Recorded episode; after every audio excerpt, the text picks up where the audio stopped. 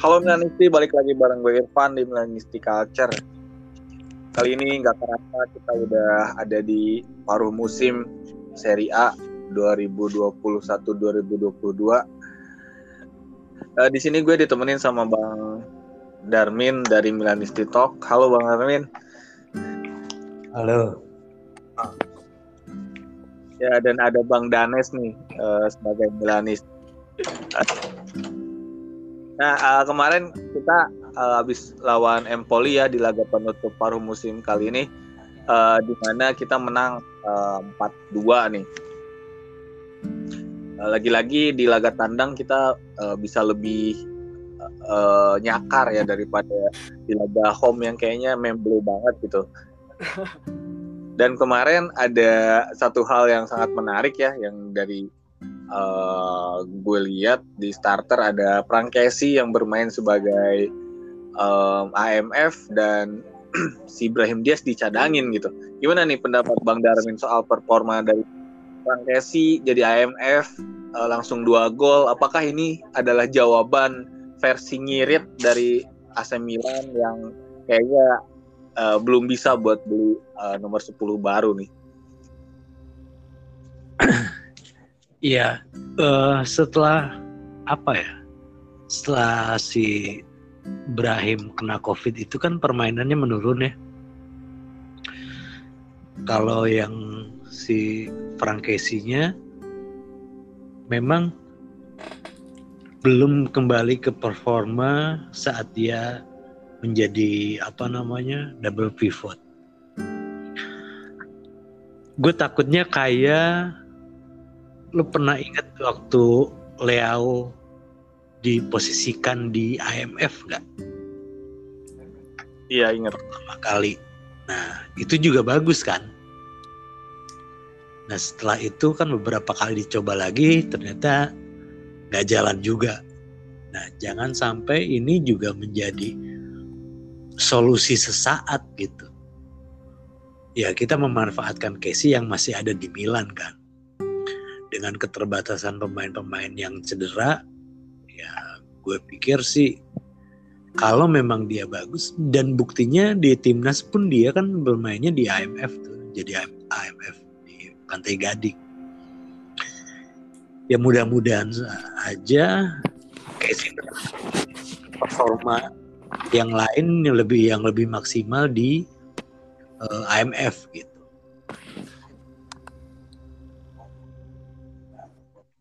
Gitu sih Van. Ya. Uh, Bang Danes mau nambahin nggak?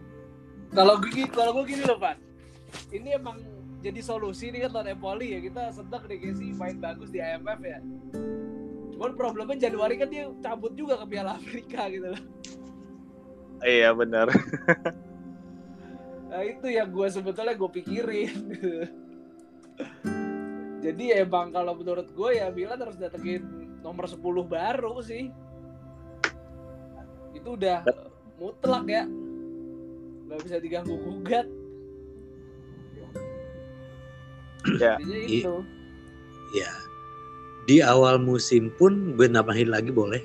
Hmm. boleh. Di di awal musim gue sempet juga membahas itu di apa namanya waktu jendela transfer IMF itu nggak cukup dengan mengandalkan Brahim. Ya. Karena yang pure untuk menjadi IMF tuh di Milan nggak ada.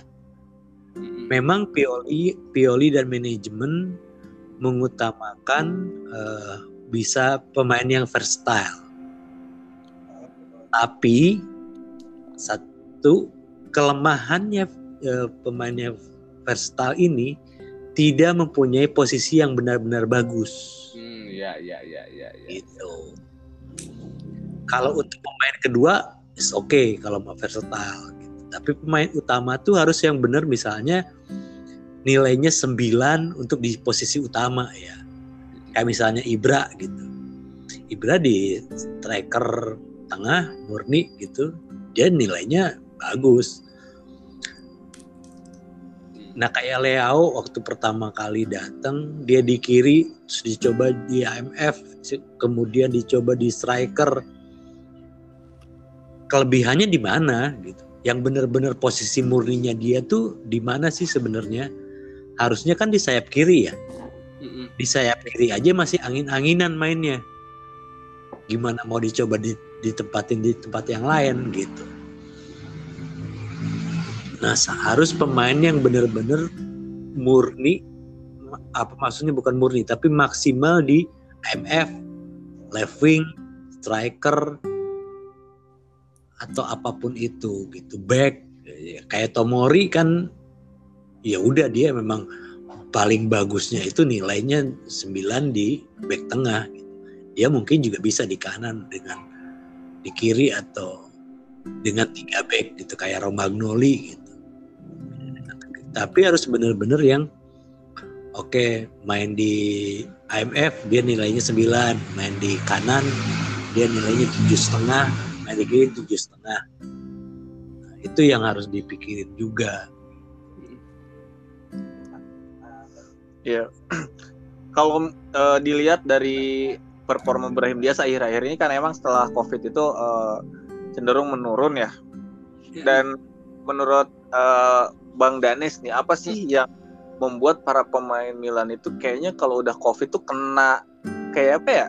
Ya menurun aja gitu. Kayak kalau dari pemain-pemain di klub lain kayaknya nggak kayak gini loh gitu.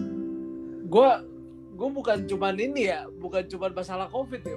Kalau abis cedera gue juga bingung tuh. Beberapa ya nggak semua ya. Kayak Benacer lo tau, tau sendiri kan tahun lalu abis cedera nih turun kan. Nah, ini juga kalau Brahim bukannya apa apa ya bukan kalau gue bukan nyorotin covid deh ya emang dia tuh dari awal gue sebetulnya gue nggak terlalu suka sama tipe mainnya sih ya dia terlalu banyak goreng terus tapi body balance-nya kurang gitu loh. Waktu awal musim dia emang bagus ya, cuman penyakitnya dia waktu musim lalu kayak kumat lagi gitu. Itu aja sih. Sama Theo abis Covid emang sih sempet jelek tapi menurut gua nggak ini juga nggak nggak nggak lama juga gitu parahnya. Intinya itu. Nah, kan eh, Ibra sempat eh, bilang ya di bukunya katanya eh, badai cedera yang dialami AC Milan itu karena eh, rumput dari eh tanah dari Milanello itu tempat latihannya itu terlalu keras katanya gitu Bang Darmin. Hmm, Gimana tuh? iya, iya. ya kalau kalau balik lagi ya kita orang awam ya eh, itu kan seharusnya sudah sudah menjadi apa namanya menjadi eh, penelitian dari timnya manajemen Milan. Memang mungkin Milanello ini harus diperbaiki karena kan memang sudah lama juga. Itu itu kenapa eh, stadion baru dibutuhkan gitu. Nah, kalau masalah apa rumput keras ya solusinya gimana gitu. Harus ekspor tanah lagi dari dari luar atau dari Indonesia misalnya dari Cipayung gitu. ya gue nggak nggak tahu juga gitu. Kalau dari dari dari kacamata awam kita yang di Indonesia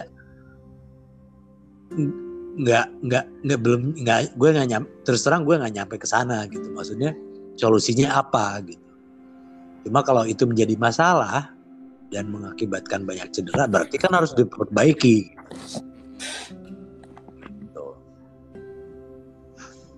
Ya, ada juga beberapa fans yang bilang katanya Brahim itu pas awal ngegas gitu, tapi eh, pertengahan musim malah turun gitu. Beda dengan mantan kita yang Hmm. sebelumnya itu letoy, malah sekarang jadi eh, pemain kunci terus gitu di beberapa pertandingan Oh dan iya abis derby gacor deh. Iya Ah. gini, gini. eh, kalau menurut gue, semakin banyak, eh, semakin sering pemain diturunkan, diturunkan, maka eh, ball touch-nya, sentuhan terbiasa gitu. Jadi udah terbiasa main, itu akan eh, apa namanya? Akan bisa karena biasa. Kayak kita lah, semakin kita mengasah kemampuan atau bakat kita, pasti semakin semakin jago lah. Ini juga berlaku buat pemain yang cedera, tiba-tiba dia harus berhenti yang tadinya udah bagus, harus berhenti nggak main, hilang sentuhannya. Hmm,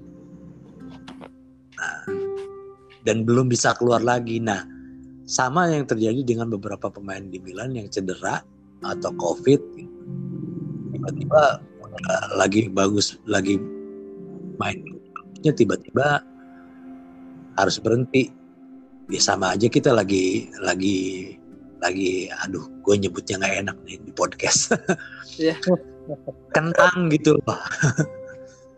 lagi hot-hotnya terus tiba-tiba harus berhenti ke ke, ke, ke gerbek gitu gitu loh kayak gitu hilang lagi kan malah mau mulai lagi tapi balik lagi potensi pemain itu yang yang belum bisa benar-benar dikeluarkan dari bakatnya ada talentnya ada eh, potensinya ada. Cuma ada hal mungkin dari psikologis walaupun sebenarnya di tim kan di tim Milan di manajemen juga ada ada dokter psikologisnya.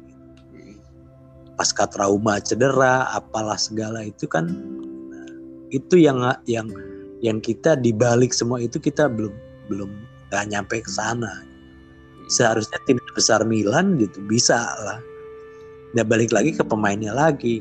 Karena ada juga yang orang habis cedera karena dia trauma jadi mainnya hati-hati. Takut dia cedera lagi.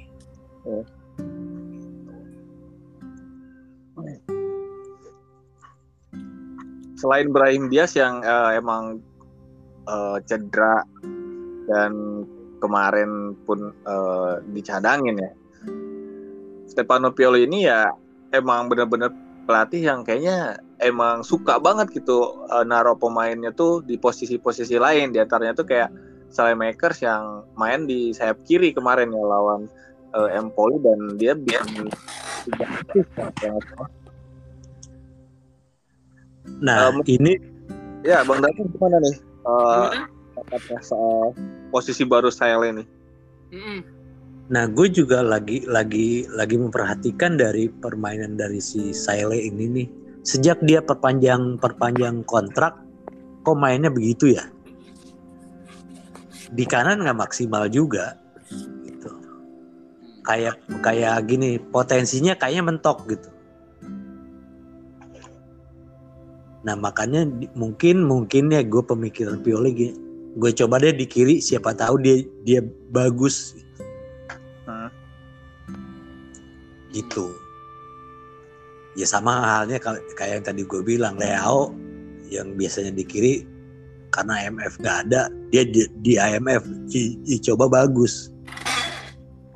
Itu yang yang ya kelebihan pemain versatile memang begitu. Cuma kadang dia tidak memanfaatkan pemain yang bener-bener eh, posisinya beneran di situ. Kayak dulu lah.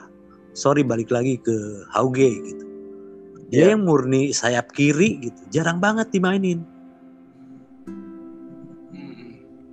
gitu. Pak Pak kita yang dulu eh, punya potensi lihat aja setelah pindah ke Lyon dia main di posisi yang sama tiap hari tiap pertandingan akhirnya keluar kan potensinya Mm-mm. gitu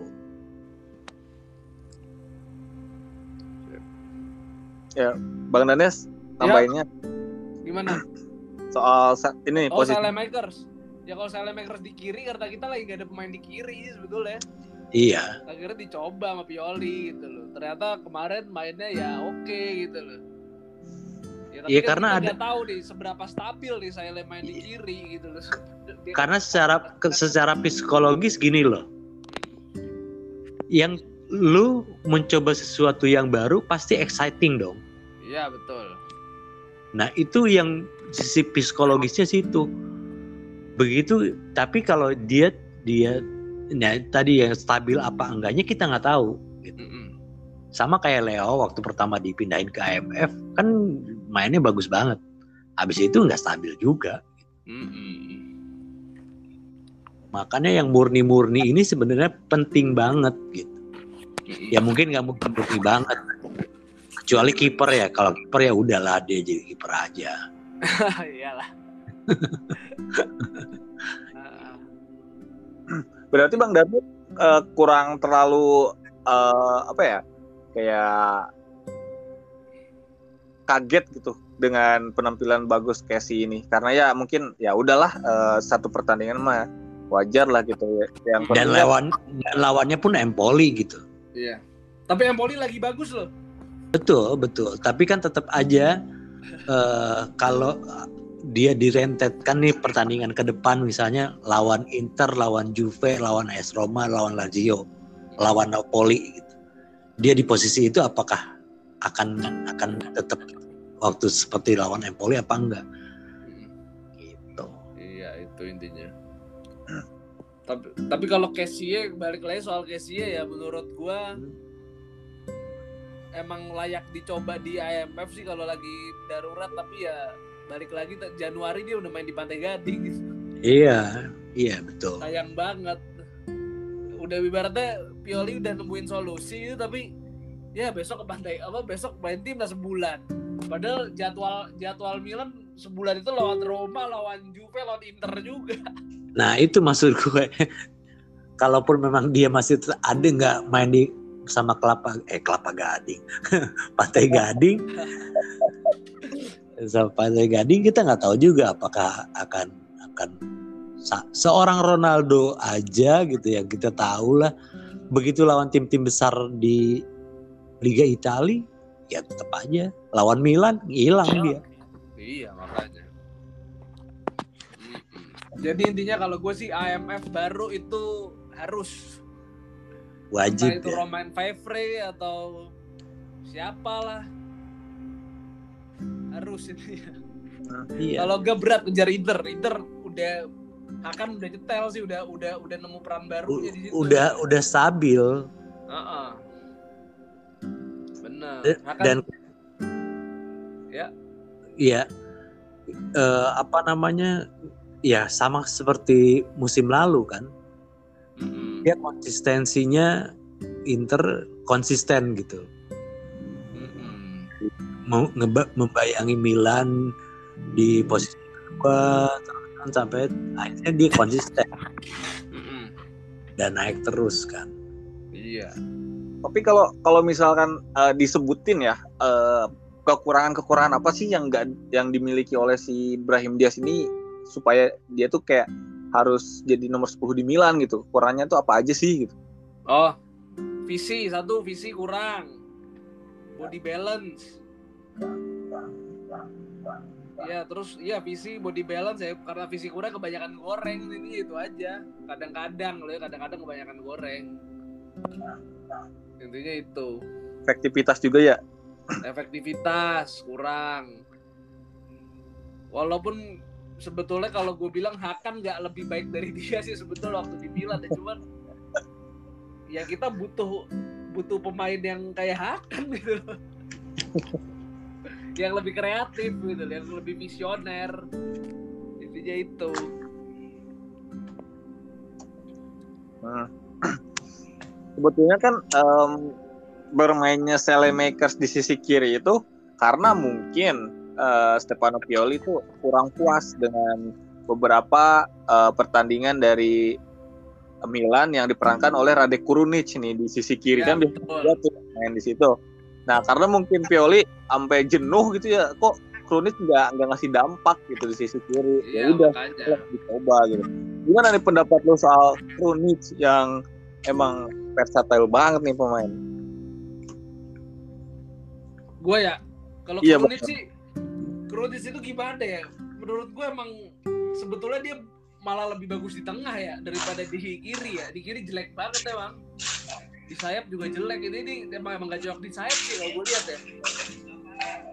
Jadi ya tapi mau gimana lagi ya? Kita emang sayap kirinya Milan lagi krisis. Ada Rembik gak sembuh sembuh Leo gak sembuh sembuh pusing juga kan. Tapi menurut nih, menurut lo eh, sebuah tim itu perlu nggak sih eh, seorang pemain yang bisa bermain di beberapa posisi ini walaupun dia mainnya biasa aja gitu? Ya perlu sih, tapi ya tadi kata Bang Darwin tadi ya ini lebih buat lebih ke backup aja sebetulnya. Dan dia kalau mau dimasukin ini ya di posisi terbaiknya dia intinya gitu. Intinya tuh Bila tuh bener-bener butuh banyak tambahan pemain lah Van itu itu kesimpulan tuh itu sebetulnya.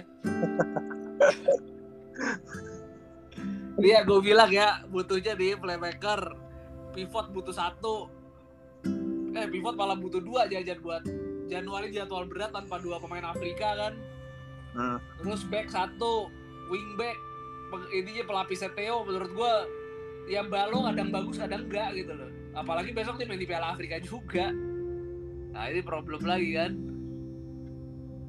Terus sebelah ada nggak pemain Afrika? Kayaknya nggak ada dah.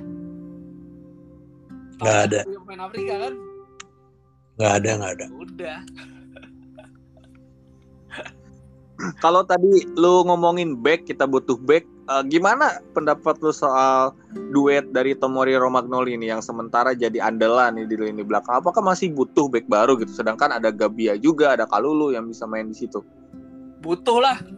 Romagnoli, gue kalau dia tuh kalau lawan striker-striker cepet keteteran. Kalau dia cuma lawan striker-striker badan gede jadi pemantul gitu atau tipe goal getter dia masih bisa nge-handle. Cuman kalau yang striker yang ngajuin kecepatan keteter Roman Romagnoli menurut gue. Butuh back baru lah. Sven Botman emang paling ideal ya, tapi kalau gak dapet Botman ya siapa dong? Milenkovic. Caldera bagus sih di Venezia, cuman gue gak yakin juga kalau dia yang diandelin gitu. Dan kemarin tuh eh, Maldini kan eh, sempet eh, bilang ya kalau dia tuh nggak bakal datengin pemain satupun di saat transfer. Itu sebelum Simon Simon Kerr cedera ya. Ya. Terus ketika Simon Kerr cedera panjang, terus Maldini bilang gini, "Em, media tidak pernah tahu pemain mana yang saya incar. Berarti pemain-pemain yang selama ini diungkap oleh media itu ya itu akal-akalan media doang gitu, cuma tebak-tebakan doang. Aslinya ya mereka nggak tahu sama sekali gitu. Makanya itu yang gue takutin. Terus siapa gitu loh. Gue bingung nih untuk mencari pengganti Simon Kier ya. Ya emang harus yang bagus lah minimal Milenkovic gitu loh. Minimal. Masa sih 15 juta euro aja gak bisa tebus? Mahal loh itu katanya. Ya elah. Segitu mahal ngeri amat standarnya Milan. Kalau Bang Darmin ada eh, rekomendasi back tengah nggak nih yang kira-kira idaman? ada dari dulu udah ada makan Ya, Konate Ya, eh makan kok Ibrahim Konate bahkan Konate mau ke Persija, Bang. Ibrahim Konate sekarang Liverpool Oh yang ngantongin Ibra kemarin ya? Iyoi Dijual Ibu- loh. enggak Ibra- enggak dijual Eh, Ibra bilang katanya kamu akan menjadi back hebat suatu saat nanti katanya gitu kata Ibra.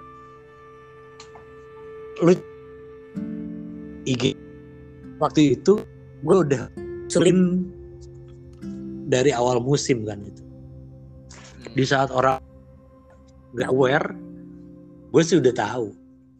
Karena apa? Tahun 2017 itu dia pemain utamanya Leipzig. Mm-mm. sebelum dia cedera digantiin sama Upamecano. Mm. gitu. Dan itu bagus banget. Dari dua- 2018 pun sama gue udah aduh dia dong dia dong ke Milan gitu dulu harganya masih 15 juga 10 eh 12 malah Mm. udah habis itu jadi 40 Ya. Berarti kan berarti kalau Rangnick ke Milan dia keambil ya. iya soalnya Iya, bagus banget bagus Iya. banget asli cuma cedera aja sayang tuh dia Heeh. sempet turun tuh ke 25 iya sempet turun ke 25 2019 karena dia jarang dimainin kan karena cedera Upamecano tuh yang naik kan Mm. umurnya sama Mm. Masih muda dia ya? Sama 22 sekarang Hmm, Iya iya iya iya. iya. gitu. Betul butuh tuh back-back kayak gitu emang cuman ya gimana? Iya. Mahal udah harganya. udah nggak masuk UM apa ke standar belanjanya Milan. Yang orang yang kalau mau masuk Indomaret tuh lihat-lihat dulu harga gitu bang. Iya, yang dipegang apa, yang dibeli apa kan? Nah, iya gitu.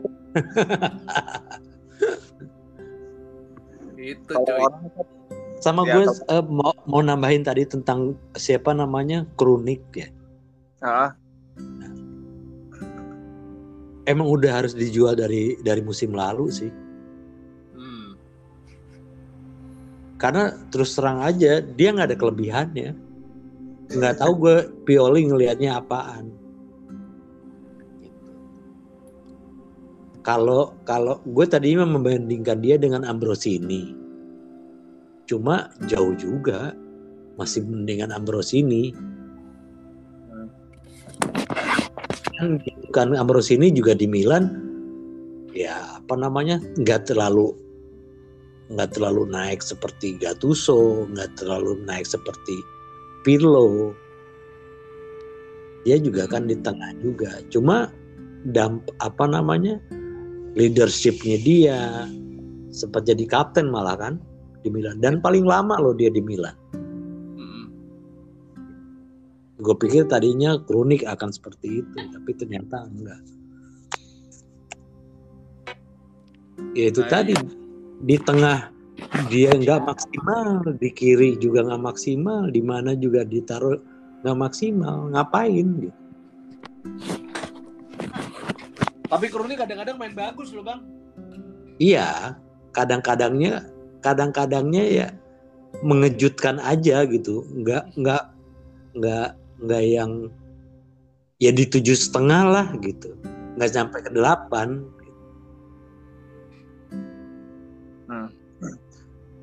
Selain Krunic yang emang gak maksimal, ada Bakayoko juga nih yang kayaknya dapat kritikan mulu nih bang. Ya u- dia nggak dimainin lama di Chelsea. Seharusnya sih di waktu di Milan dia bagus langsung dikontrak.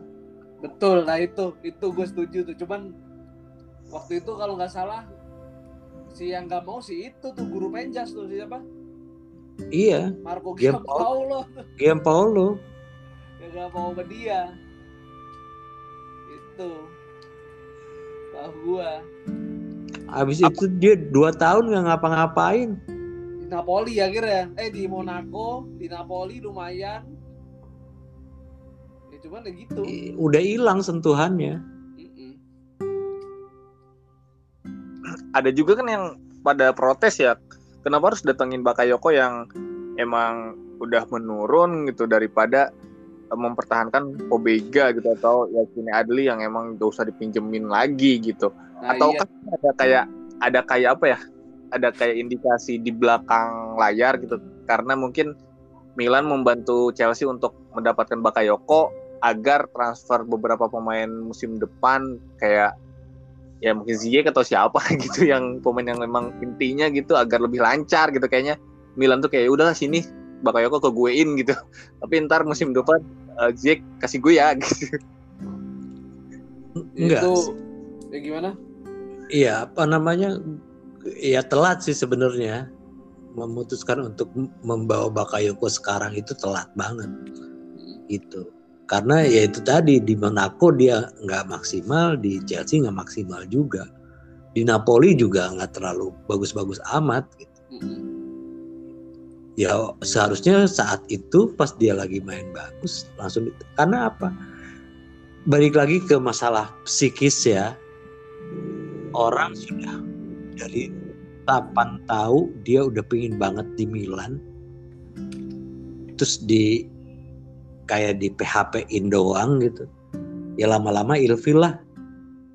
Jadi sekarang pun begitu masuk Milan ya udahlah, udah di Milan sekarang udah nggak se-exciting dulu, nggak sem- sesemangat dulu. Bisa jadi sih itu. Cuman gua gini aja sih gua berharap Bakayoko nih di putaran kedua naik gitu kan waktu dia di 2018 2019 kan kita tahu di awal Begitu. musim ini juga hancur banget kan Iya, itu yang diharapkan sama manajemen Milan seperti itu. Hmm, enggak dan waktu itu Bakayoko itu main terus Iya, Terus itu lama-lama bagus intinya itu sebenarnya. Ah, nah sekarang dia nggak mungkin main terus karena ada Frank Casey di situ Frank Casey udah jadi pivot apa Tonali atau Benacer kan Iya, iya intinya itu makanya kan harus ada prioritas. Sekali lagi kayak waktu itu eh, kan kita main di kan UCL udah enggak nih, tinggal Piala Italia ya, Coppa ya. iya Itu harus jadi kesempatan buat pemain-pemain pelapis untuk dimaksimalkan. Hmm. Milan bisa kok punya dua tim.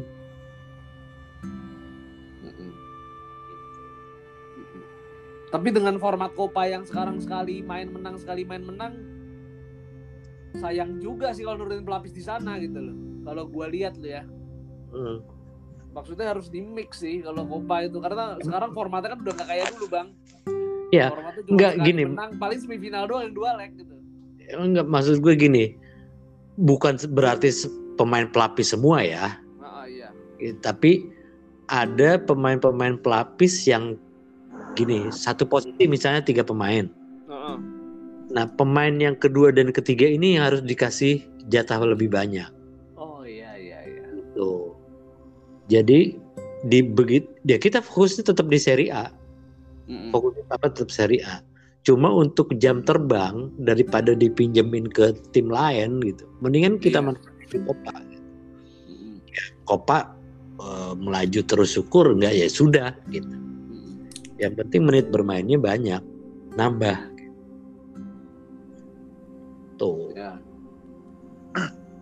Oke. Terus Pak Bobega sebenarnya bisa di recall gak sih tuh? Bisa, Nah, tapi kan tuh- pasti tetap ada kompensasi yang harus dibayarkan. Nah itu makanya tuh. Udah recall Bobega sama atau Yasin Adli aja. Seharusnya sih begitu, gue berharap malah begitu di Januari ini mereka dipanggil. Betul. Tuh, dia soalnya butuh banget tuh pivot dia buat gantiin Benacer sama Kessie. Iya. Intinya itu. Nah, satu lagi sebenarnya yang pengen gue sorotin adalah Gabia. Heeh. Ya kita tahu waktu Ram- Romagnoli cedera kan yang itu kan Kier sama si siapa Gabia ya yang mainnya. Betul. Heeh. dan itu di situ dia bagus kok. Nah itu Betul. kenapa nggak dicoba lagi sama sama Pioli gitu. Yang lebih sering maksudnya. Karena jelek lawan Fiorentina, Bang.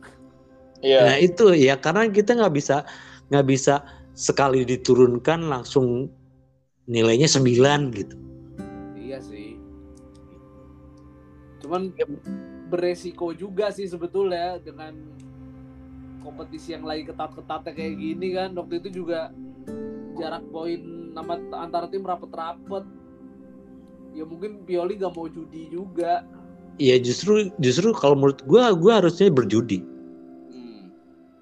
Kayak mela- lawan Saler Salernitana kenapa enggak Gabian diturunin? Iya sih. Terus Tergantung ya lawan ya. tim-tim yang 15 eh, posisi 15 ke bawah deh Heeh. atau 14 ke bawah deh. Kenapa gitu? Tapi emang Serie A ini nggak bisa ditebak sih bang. Maksudnya kayak eh, tim papan bawah aja eh, bisa tiba-tiba main jago gitu di satu pertandingan kayak Hmm. kemarin aja Bologna ngebantai Sassuolo 3-0 gitu kayak aneh banget terus kayak Justru itu jadi gini, Van. Mental bertanding juga perlu kan? benar Nah, itu yang harus yang mereka belum punya gitu. Hmm. Pemain-pemain yang diturunkan ini karena dia tidak ter- terbiasa dengan atmosfer stadion doang. Tapi atmosfer pertandingan dengan dia turun itu kan berbeda. Nonton teman-temannya non- eh, nonton teman-temannya bermain berbeda dengan dia diturunkan langsung. Mendapat kepercayaan dari pelatih untuk diturunkan itu berbeda banget. Sama halnya kalau lo misalnya di apa namanya disuruh sama sama siapa guru lagi sekolah deh, lagi lagi kuliah. Sekarang lu udah kerja kan? Iya. Lu di- disuruh sama bos lu gitu. Pertamanya pasti gugup lah. Ih, gue nggak pernah disuruh, tiba-tiba disuruh. Tapi di- abis itu lu pengen memberikan yang terbaik dong. Ntar kalau gue disuruh lagi, gue harus udah siap nih. Mm-mm, Iya betul. Mental itu yang tidak dibangun gitu sama Pioli. Mm-mm, Iya iya iya iya betul sih. Sama kayak lu di kerjaannya kalau dapet tugas baru misalnya Iya, exciting kan? enggak ya satu exciting tapi kan lu harus emang harus ngebiasain terus ngebiasain terus sampai lu betul-betul Sampai lu- gitu loh. Iya, bisa karena biasa. Makanya ada ada momen-momen ya yang pada akhirnya kan yang pemain pengganti ini cuma jadi fir- apa fresh leg doang. Ini capek diganti yang baru pemain pelapis gitu. Pemain cadangan. Bukan untuk mencari kemenangan apa mencari perubahan gitu. Meneruskan yang sudah ada tanpa ada perubahan yang dilakukan dari Iya. dari strategi dari apa enggak enggak ada itu yang gue mis- lihat dari Pioli yang, masih belum belum bisa gitu beda lah kalau waktu kita dulu membandingkan dengan eh, Ferguson gitu. Ini lagi jalan pertandingan oke gue masukin si ini. Dan itu permainan berubah loh. Semata-mata bukan karena si pemain itu bagus juga, tapi memang dari taktiknya juga, oh cocoknya si ini nih untuk ngebuka pertahanan atau untuk mendelay bola atau apa. Ini karena memang ya sudah kayak double apa pivot ya yang main Casey sama Benacer. Habis itu digantinya Bakayoko sama Tonali. Ya udah begitu doang. Meneruskan yang sudah ada dengan tidak misalnya masukin pemain ini pola jadi 4-3-3 atau kayak kemarin lah lawan lawan kita terakhir kalah lawan siapa sebelum Empoli? S Napoli. 1-1 ya? Napoli ya? Ya main 4-4-2 tuh terakhir. Iya. Nah, kenapa 4-4-2 enggak 4 enggak 4-3-1-2? Kita lagi nyari kemenangan loh, cari gol. Udah bagus Kronis dikeluarin, dimasukin si Br- Brahim ya kalau nggak salah. Brahim ke tengah, eh, apa nama atau enggak Mesias dia jadi AMF. Oh iya dia bisa tuh jadi IMF tuh. Emang Bisa dia harusnya. kenapa nggak dia? Dia tetap di- ditaruh di kanan dan kemudian ditarik keluar. Itu yang yang gue belum lihat dari Pioli dari pertama dia nanganin Milan. Hmm. Kayak dulu lah kita biasa zaman zamannya Ancelotti gitu. Pemain pelapis itu yang berubah permainan gitu. Dengan memasukin ini menjadi empat jadi empat eh, empat dua tiga satu atau empat berapalah gitu. Tapi bang, eh, menurut lu nih, eh, kalau Hmm. misalkan skemanya kayak gitu ya, dengan memasukkan pemain dan strategi berubah, apakah eh, skuad Milan itu memadai untuk melakukan itu menurut lo? Memadai kok. Iya dengan. Karena pemain kita kan bilang udah versatile nih. Bisa kok. Kayak gini deh, Gabia. Gabia itu bukan sebagai back bisa, sebagai DMF juga bisa. Nah itu. Itu bener. Bisa dia. Calabria dulu yang dicoba malah Calabria kan. Mm-mm. Padahal Gabia ada. Wah waktu Calabria jadi DMF lagi parah banget itu. Gak ada stok pemain itu bener-bener tuh. Iya, Hancur tuh. Diajar sama Juve dari 3-1. iya. Nah, kenapa nggak coba Gabia? gitu? Yang memang dia ada, dia ada potensinya di situ posisinya. Itu yang kadang gue nggak ngerti sama Pioli gitu. Bukannya gue nggak suka sama Pioli, cuma maksudnya variasi yang selalu gue omongin tuh dari awal musim tuh variasi itu bukan cuma variasi pemain dengan pola yang sama.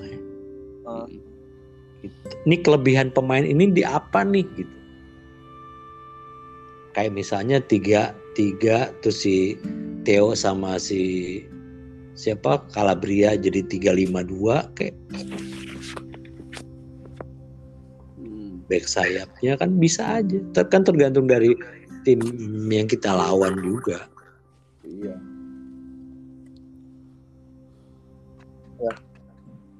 Tapi kemarin di em, empat gol yang diciptakan Milan kan ada gol dari Florenzi itu dari eh, tendangan bebas ya. Itu kayaknya kan eh, sekarang itu free kick itu nggak dipegang oleh satu orang doang kan. Kayak musim lalu Hakan aja terus eh, sekarang kan kayak lebih merata ya Tonali, Ibra, terus Florenzi udah pada bikin gitu. Theo juga gitu. Kayak eh, merata aja gitu tapi di apa ya di gol yang ada itu kayaknya Ibra masih paling banyak gitu dengan 5 lima gol kalau nggak salah. Ini tuh kayak kayak kekurangan nggak sih? Maksudnya kita tuh di satu sisi merata gitu yang bikin gol, tapi yang paling banyak tetap Ibra gitu. Sedangkan itu udah tua gitu. Betul. Ya gini Ibra itu dengan segala pengalamannya harus kita akuin dia udah tak gini dia udah tahu polanya lah cara mencetak gol Hmm. dengan kakinya dia kungfu lah atau apa pun itu gitu. Ya karena tim kita masih muda.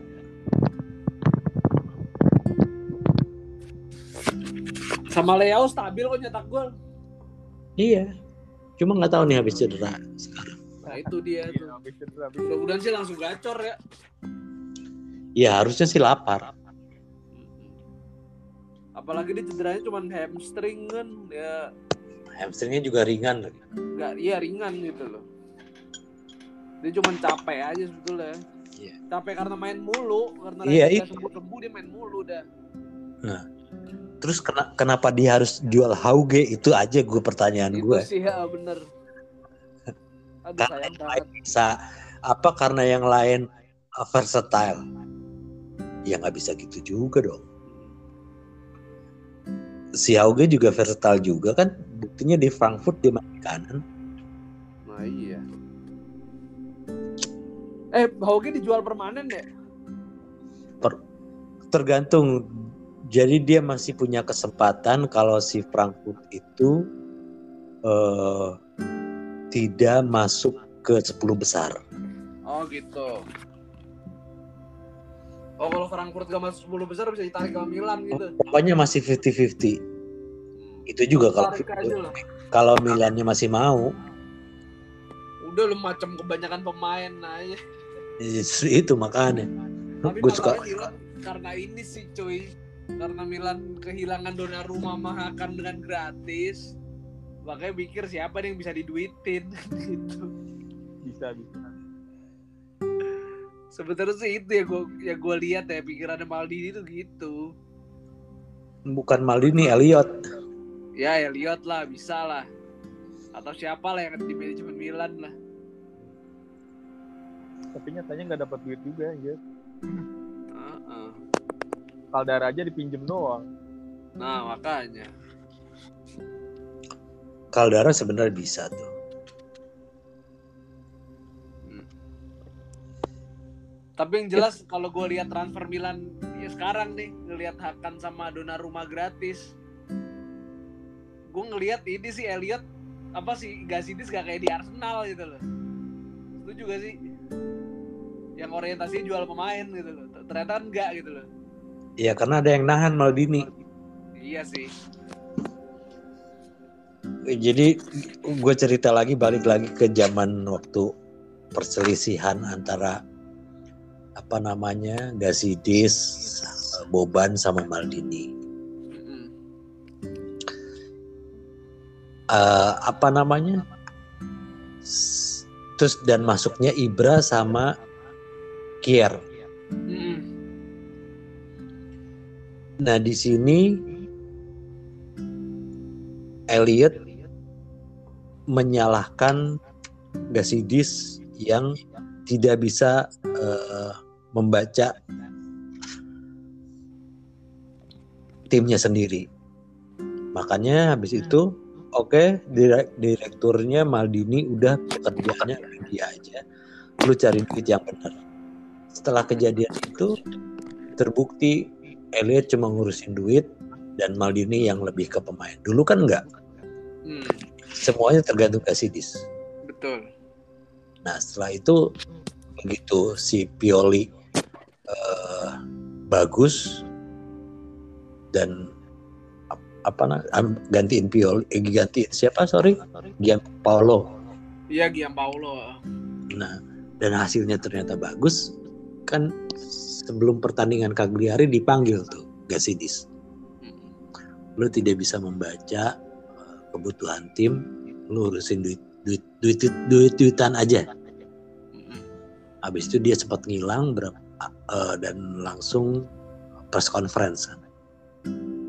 Sebelumnya dia ngilang tuh 4 bulan apa 6 bulan makannya berantem sama Boban. Karena dia lagi bernegosiasi dengan Ragnik. Hmm, betul. Gitu. Gimana sih katanya represent- representatif Elliot tapi kok nggak ada di Milanello?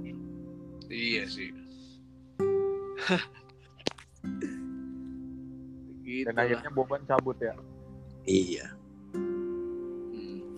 karena memang udah keburu ketahuan kan.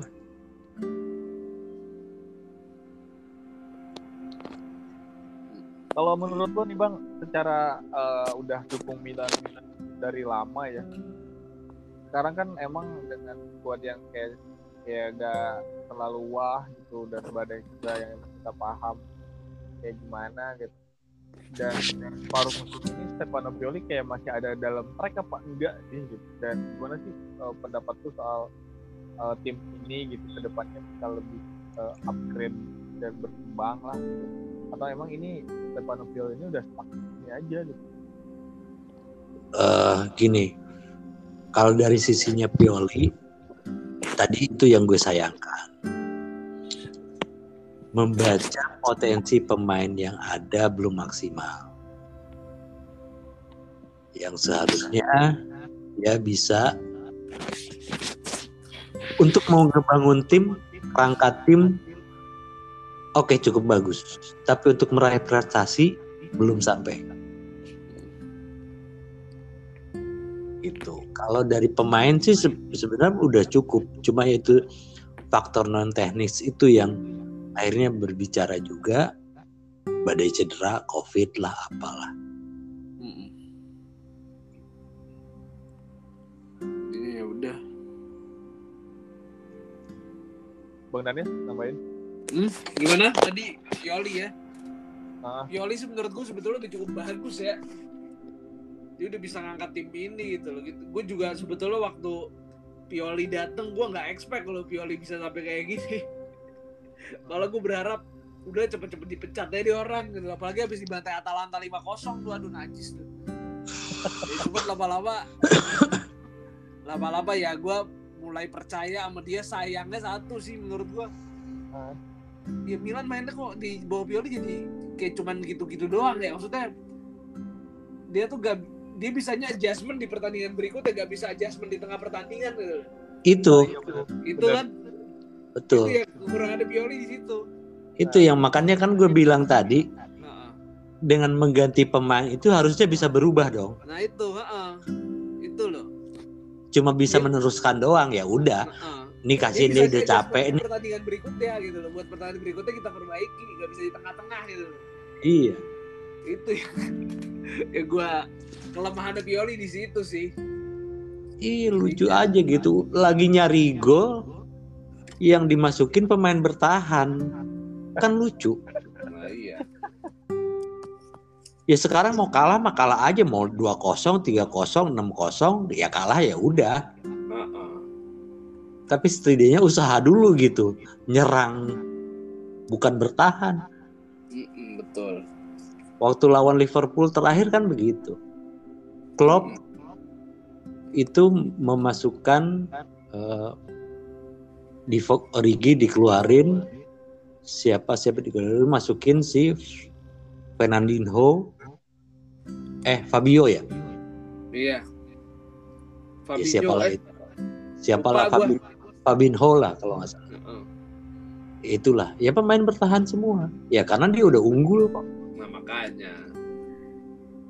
dan itu worth it gitu. Ini lagi nyari gol kok masukin pemain bertahan ya? Bakayoko lah dimasukin. Si Mesias dikeluarin. Bingung kadang-kadang. Hmm. ya, kalau mau kalah mah ya kalah aja gitu dua kosong tiga kosong sepuluh kosong ya udah kalah. Tapi at least kita nyerang. Ngotot gitu mau mau menang. Ini kan nggak ada.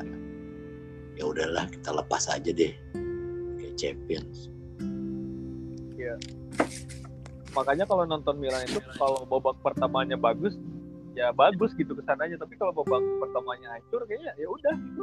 Iya betul. Itu yang terjadi lawan Sassuolo. Parah banget.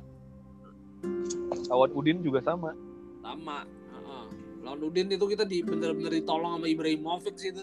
Ah, dan dan satu lagi faktanya di bawah Pioli itu misalnya kita tertinggal main di kandang nih kita tertinggal gol nih kalau nggak seri kalah Oh iya, nggak bisa balikin. tapi kalau di tandang kita ketinggalan gol kalau nggak seri menang Itu tren yang aneh sih. iya kan aneh banget Enggak, kita tiga kali main kan. Eh tiga kali kalah. Dua kali di kandang loh. Hmm, Berarti faktor penonton gak ngaruh juga ternyata. Gue pikir tuh tahun lalu kita apa Milan tuh sering kalah di kandang karena penonton. Ternyata nggak nggak gitu juga gitu loh. angker buat San Siro angker buat dirinya sendiri Nah makanya itu dia. Ini mana Inter gua nggak tahu di kapan kesandung kayak kan. ya gue Inter sih bisa kesandung cuma sesama lawan sesama tim gede, lawan Roma saya waktu itu pas lawan Inter kebanyakan covid sih. Dibantai dah. ntar aja di bulan Maret Iya. Inter Inter kesandung ketemu ketemu Juventus, Inter bisa bi- ketemu Juventus mereka biasanya kesandung sih. Ketemu siapa? Misalnya Sampdoria Sampdoria tuh sering banget tuh kesandung Inter tuh. Dan banyak lah. Tapi kalau lawan tim-tim kayak Cagliari gitu doang. Buset deh Inter superior banget. Padahal Milan sering kesandung sama tim-tim kayak begitu gitu. Itu loh. Aneh. Sekarang nilainya berapa sih Milan 42 ya 42. Inter 46. dan kemarin Pioli bilang katanya eh, dengan poin 42 ini ya kita semakin mudah untuk eh, meraih lima eh, meraih 85 poin katanya gitu Iya. apa ya kok kok targetnya 85 poin doang Itu Aneh. dia. Kayak kurang Ya, kalau- ambisi ya. Kalau di de- kalau di rata-rata seperti yang pernah gue kita ngomongin Van dulu. Ah. kalau kita kali dua berarti kan 40 85 ya 84 84. Nah, ya itu udah cukup untuk untuk Scudetto sih. Problemnya Inter tahun lalu Scudetto 91 bang. Kenapa? Problemnya tahun lalu Inter 91 iya. Betul ya makanya kalau sekarang harusnya ya lebih dari itu. Kalau kalau memang Milan mentarget Scudetto tapi kalau untuk di Liga Champions doang seperti biasa ya itu udah cukup. Cuma memang tidak seharusnya di si Pioli ngomong begitu sekarang tapi kalau ngomongin Liga Champion kemarin kita kunci. gimana pendapat lu bang soal hasil Milan di comeback pertama nih? Gua nih. Ya bang Danes dulu boleh.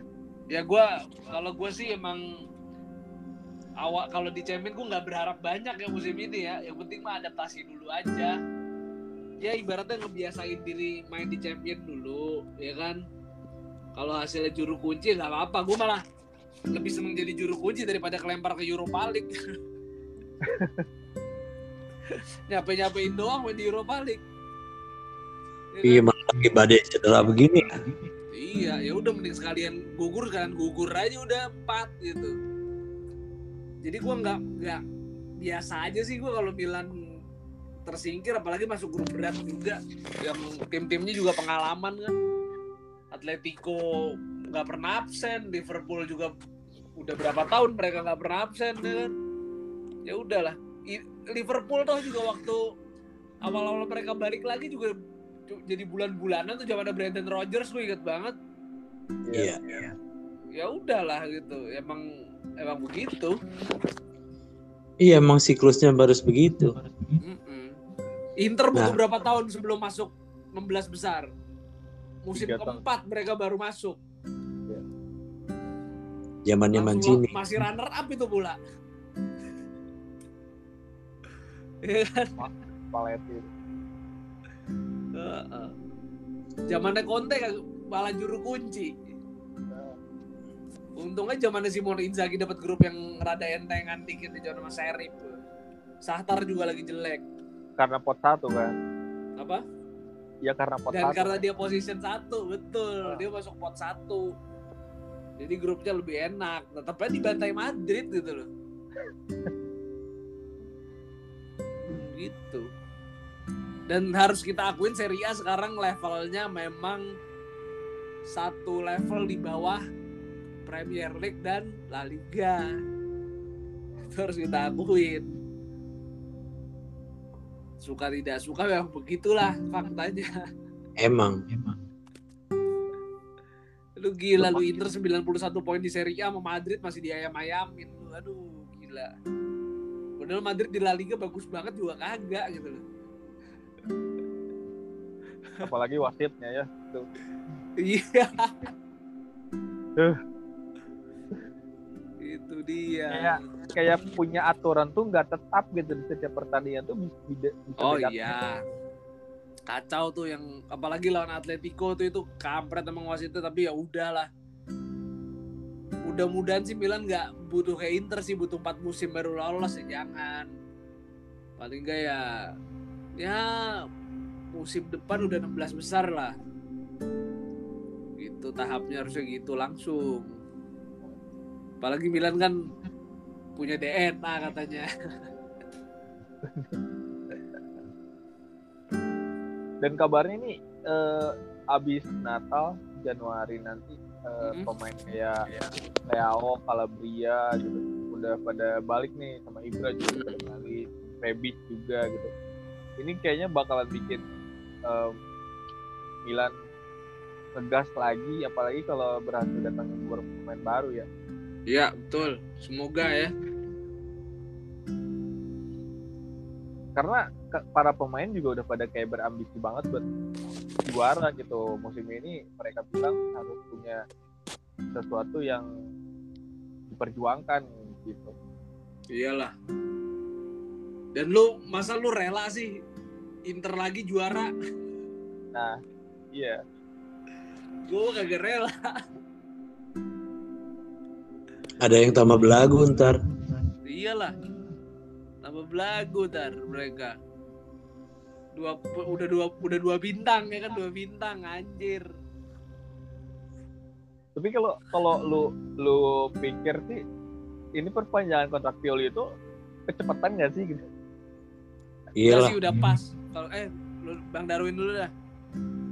Kalau gue sih gini. Kalau musim ini juara baru perpanjang.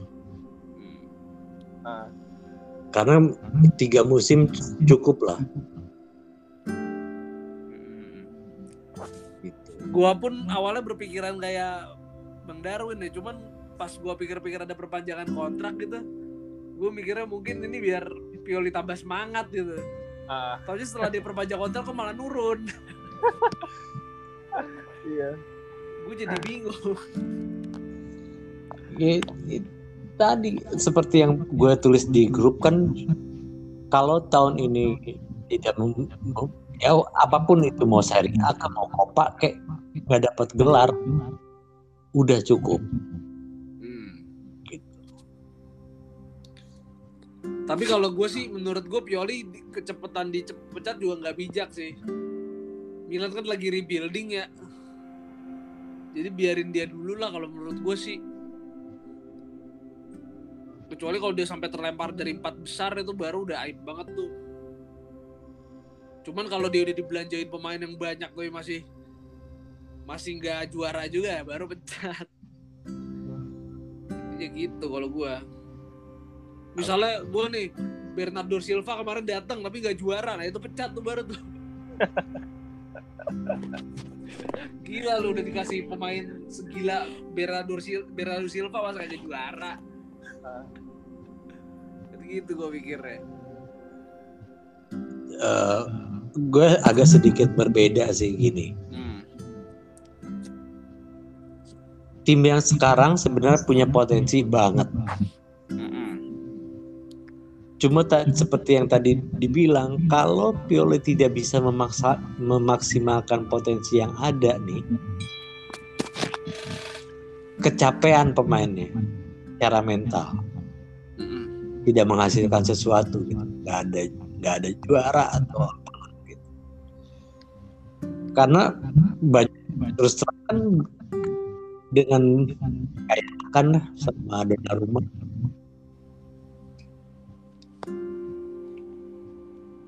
pemain Milan tuh banyak pinter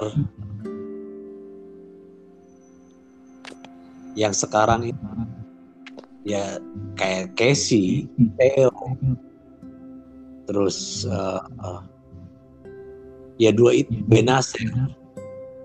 Kalau Tonali Mm-mm. dia pasti cinta Milan banget. Mm-mm.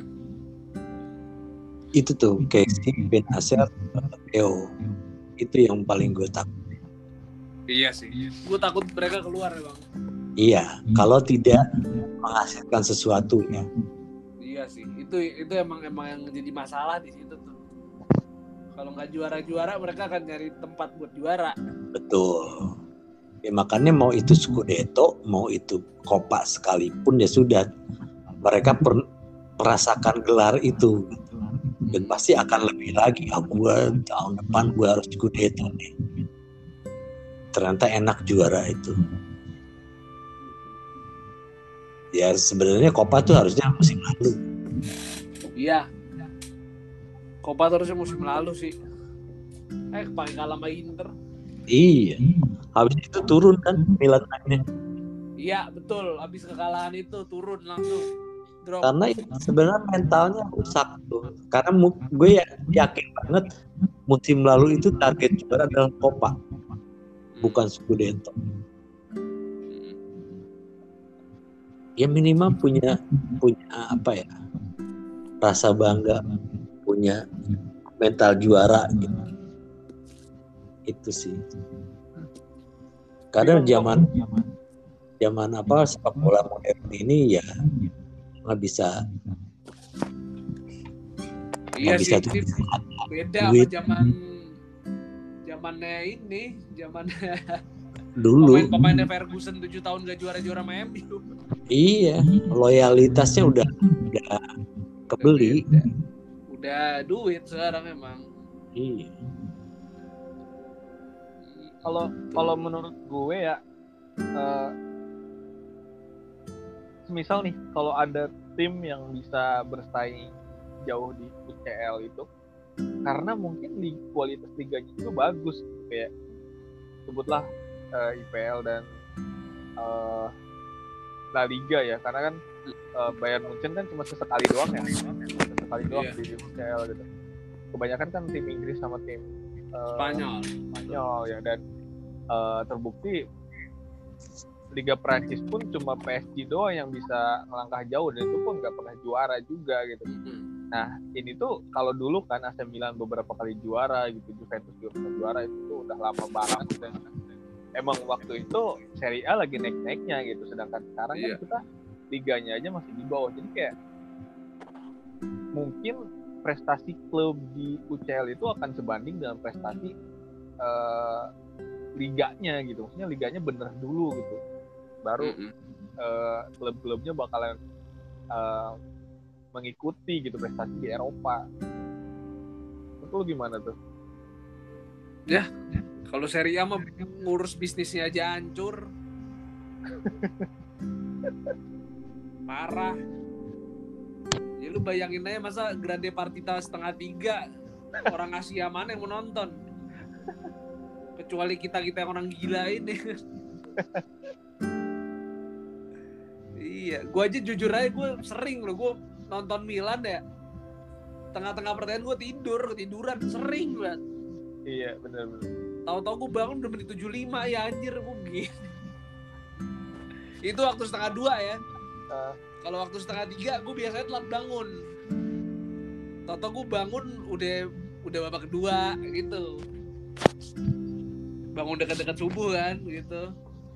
Jadi telat bangunnya. Kalau waktu setengah dua gue sering ti- ketiduran di tengah pertandingan tuh parah sih harus di. Kalau bisa sih big match big match tuh di jam 12 WIB lah harusnya lah jatuhnya.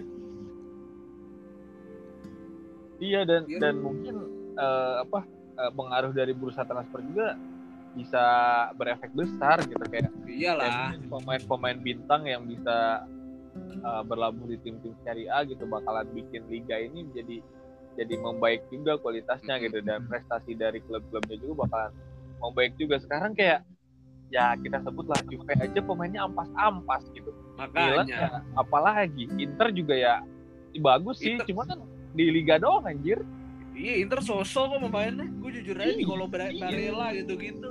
Iya, ap- apalagi tim-tim kayak Sassuolo, kayak Fiorentina gitu, kayak kayak gitu-gitu kayak ya udah gitu nggak bisa bersaing j- jatuhnya kalau di Eropa. Cuman di Euro juara gitu itu gue yang aneh sebetulnya. Itu kan sebagai tim sih menurut gue kalau Italia. Iya. Itu dia. Ini gue pengen ngomongin stadion yang banyak banget kayaknya Milanisti yang pengen misah ya dari Inter dan ternyata kita barengan nih sama Inter. Gimana pendapat lo? Gue dulu apa Bang? Sok duluan duluan. Oh, Kayak Bang Danes tuh. kalau gue jujur satu stadion sama tetangga itu udah jadi kultur Milan. itu yang bikin derby Milan jadi panas. Jadi gue Ah. tetap mau jadi satu sama Inter. Gue terserah. Oh, gue berbeda sama yang lain. Tapi gue tetap mau jadi satu Inter nih itu aja. apalagi katanya kan eh, desainnya itu yang sebelahnya itu AC Milan ya logonya gede banget terus yang sebelahnya lagi Inter gitu. Jadi kayak Hmm. emang bener-bener gitu desainnya seperti itu.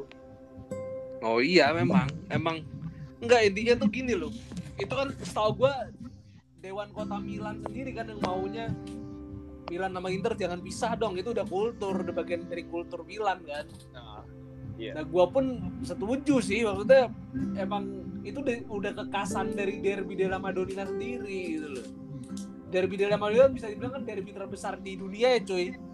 Itu harus lo lakuin tuh. Derby terbesar di dunia itu paling panas.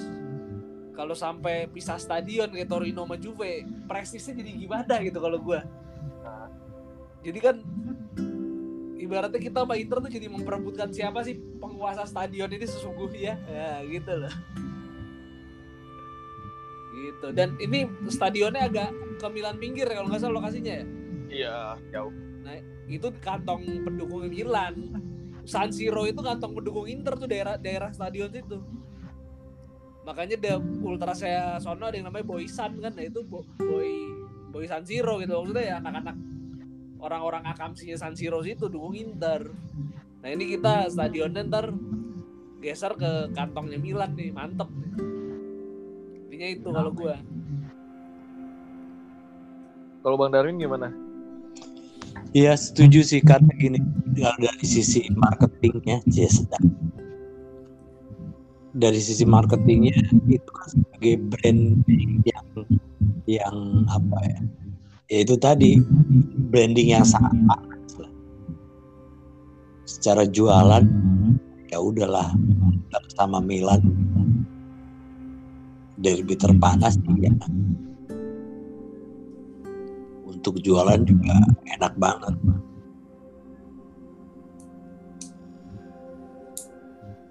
Itu sih. Betul. Kapasitasnya berapa? Kalau boleh tahu gua, gua lupa belum baca. 60 Hah? 80 ribu ya katanya? 60 oh lebih kecil berarti dari San Siro iya tapi nggak usah ngeluarin. Betul gak usah ngeluarin duit sewa. Tapi Iya. dikelola bersama Milan sama Inter kan gitu. Iya. Intinya itu. Tapi Inter emang udah siap duitnya buat ikut bangun stadion udah. Oh udah siap deh mantap kalau gitu. Soalnya gue berharap kalau dia belum siap gak apa-apa Milan bangun dulu ntar Inter nyewa Milan dia Inter nyewa apa pinjam dari apa aku laku. Jah, aku laku. Kan lagi diinvestigasi juga kan. Iya. Ya itu mah gue udah yakin Inter juga keuangannya aneh sih menurut gua dengan bangkrut kayak gitu. Mereka bisa baik-baik aja itu aneh Iya. juga ya. Iya yang tadinya mau defisit jadi jadi biasa aja gitu kayak aneh aja gitu. Tapi dia ini sih emang jual pemain harganya gila-gila sih. Asraf Hakimi sama siapa? Ya Lukaku itu dijual buset. Banyak Itu itu duitnya.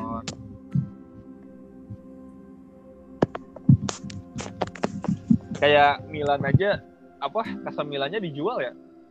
Iya. Jual.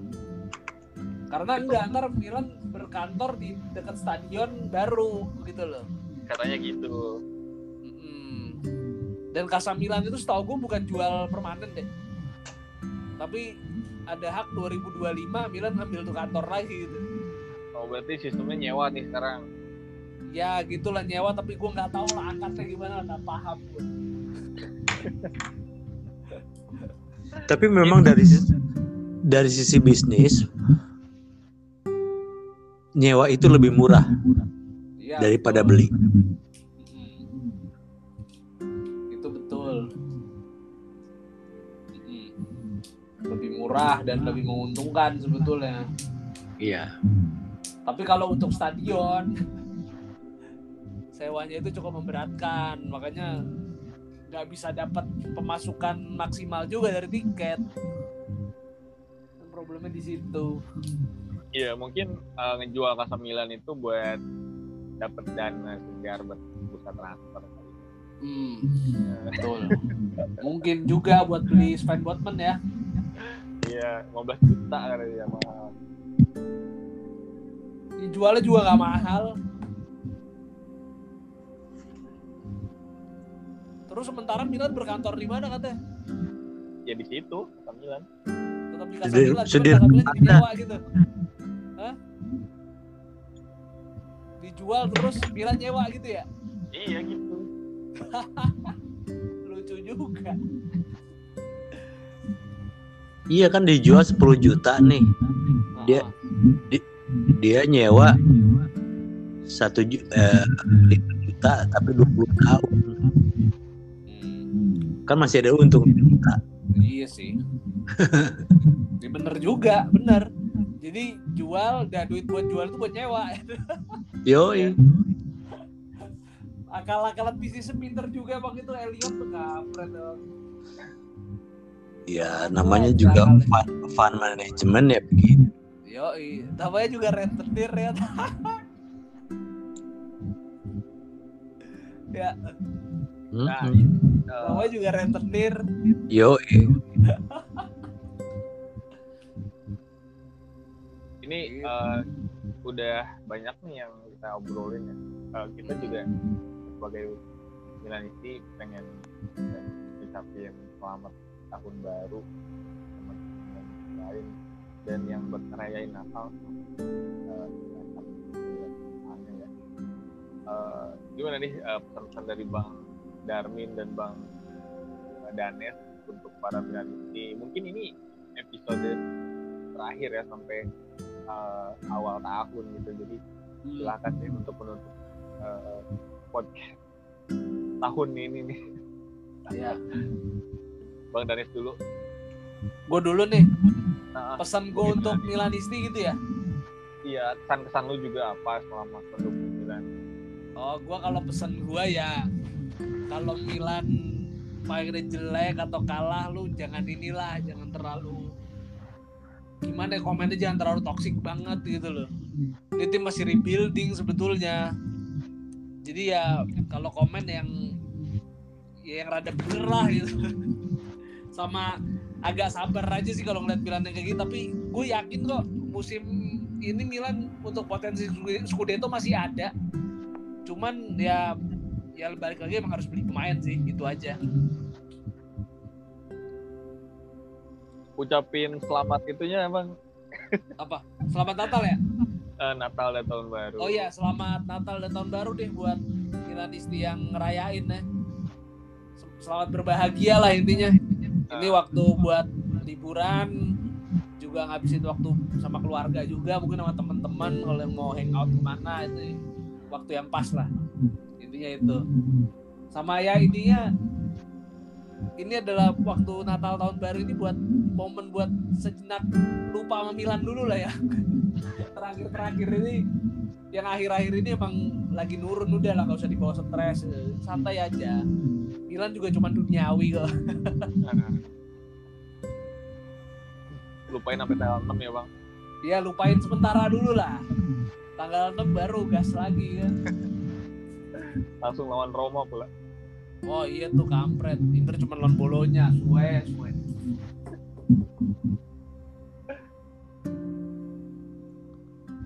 Uh, Bang Darmin boleh? Ya kalau gue mah apa pun hasilnya terima aja lah. Mau menang mau kalah udah biasa. Namanya juga pertandingan cuma buat followersnya Milanisti Culture Milanisti Talk dan Milan FVV Milan yang lainnya. Santai aja seperti yang tadi bilang komentarnya nggak usah toxic. Udah banyak negatif yang kita terima di dunia kita masa di dunia maya juga? Kita terima hal-hal yang negatif juga. Nah.